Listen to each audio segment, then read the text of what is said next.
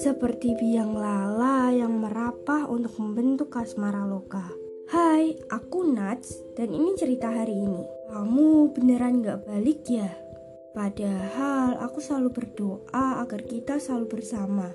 Banyak sekali coretan tulisan yang kutulis dalam buku ini.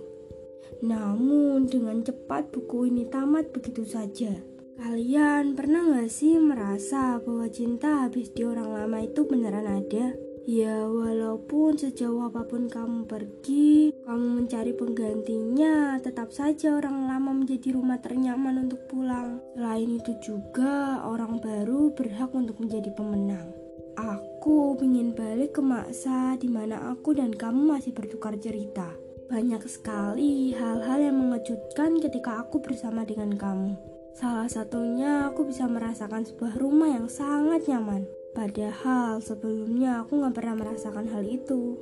Aku tahu kamu yang menyuruhku untuk pergi dan melupakan.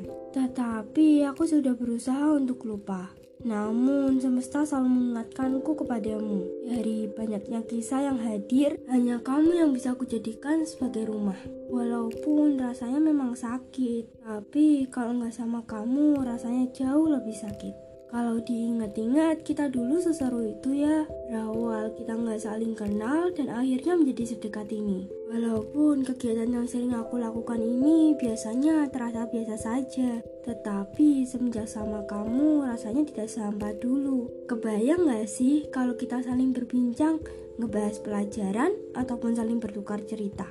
Seperti lagu tulus, aku jatuh cinta padamu. Mendengarkan lagu ini bersama denganmu. Sampai-sampai mengelilingi kota ini berdua, berbincang berdua dengan mengendarai sepeda motor. Dan menikmati udara di malam itu.